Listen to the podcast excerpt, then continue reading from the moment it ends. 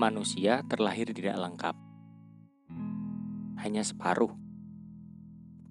Ah, mungkin tidak. Hanya seperempat.